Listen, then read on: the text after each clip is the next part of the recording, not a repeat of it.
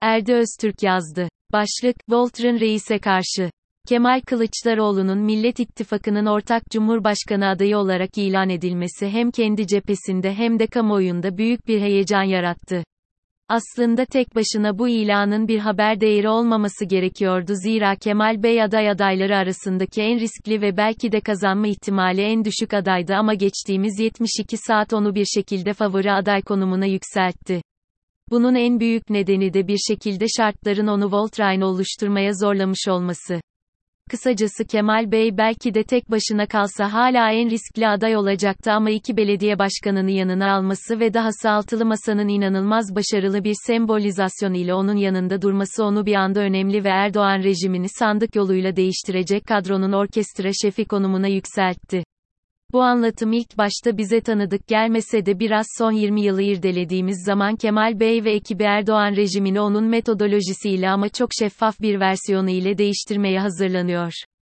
Kısacası Kemal Bey kurduğu formal ancak benzemeyenleri bir çatı altında topladığı yapısı ile Erdoğan'ın informal çıkar odaklı koalisyonuna meydan okuyor.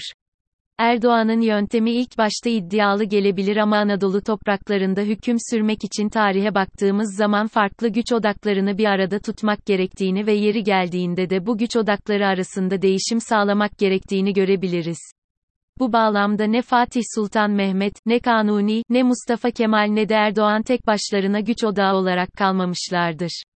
Onların en büyük meziyetleri kendi dönemlerinin şartlarına uygun olarak iktidarlarında farklı güç odaklarını bir arada tutabilmeleri ve yeri geldiği zaman bunlar arasında değişime gitmeleri olmuştur.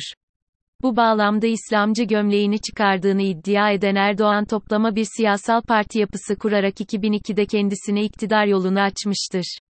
Ancak iktidar olmanın muktedir olmak olmadığını iyi bilen bir siyaset ustası olarak ilk başlarda iç politikada liberaller, Avrupa Birliği yanlıları ve İslami değerlere bağlı kimi gruplarıyla ortaklıklar kurmuştur. Bu bağlamda içeride vesayet yapılarına karşı mücadele ederken dışarıda da yüzünün batıda olduğunu göstermeye çalıştı. Bu ona hem içeride hem de dışarıda bir oyun alanı sağladı. 2007 yılına kadar süreç böyle işlerken 2007 sonrasında daha görünür bir şekilde aslında hiç anlaşamadığı ve tarihsel olarak kavgalı olduğu Gülen hareketiyle hem içeride hem de dışarıda çıkar odaklı bir birlikteliğe girdi. Bu birliktelik bir şekilde iki yapı içinde kazan kazan anlamına geliyordu. 2011 yılındaki ekonomik kriz, 2013 yılındaki Gezi Parkı protestoları, sonrasında İran ambargosunun kara para aklama ile delinmesi bütün bu koalisyonları farklı nedenler ile bozarken AKP ve lideri Erdoğan giderek otoriterleşti ve kendine yeni yeni çıkar odaklı ortaklar aradı.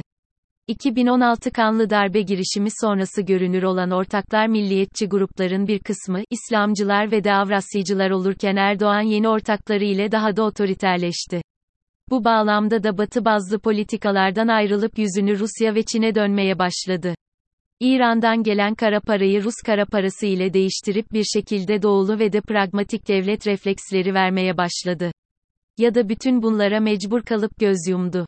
Kısacası tek başına iktidarda gibi görünüp her zaman bir şekilde farklı gruplar ile çıkar odaklı işbirliği yaptı ve kendi Voltrain'ını reislik kimliğinin altına gözledi. Kılıçdaroğlu'nun yöntemi Kemal Bey yukarıda anlattıklarımın elbette farkındadır ve çok eminim ki benden daha da çok detay biliyordur. Ama bir şekilde bunun da ötesinde Türkiye gibi çok boyutlu bir güçler ülkesinde tek başına iktidar olunamayacağını da görmüş durumda. Bura kastım masayı oluşturan 6 parti ve 2 belediye başkanından ötesi bir durum. Onların temsil ettikleri kimlikler ve bu kimliklerin Türkiye'deki güçleri. Dersim Alevisi bürokrat bir orkestra şefi, Karadenizli Sünni bir iş adamı, Beypazarlı eski milliyetçi bir avukat.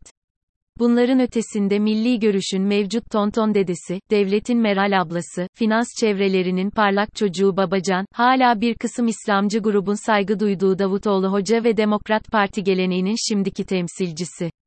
Kuskusuz bunun yanına ne olursa olsun Kürtleri ve solcuları da koymak lazım ki Erdoğan karşısındaki güç odakları tek bir vücut olabilsin. Nokta. Kuşkusuz bu kadar farklı ve de çok sesli yapıları bir arada tutmak çok da mümkün değil.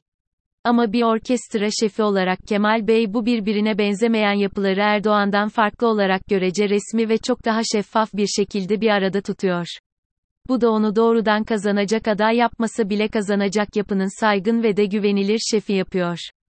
Kısacası Kılıçdaroğlu şartlarında etkisiyle bir Voltron oluşturdu ve reise karşı bir mücadeleye girdi.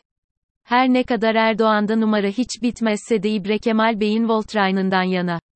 Tarihi ve çok uzun günler önümüzde ama umutlu olabiliriz diye düşünüyorum.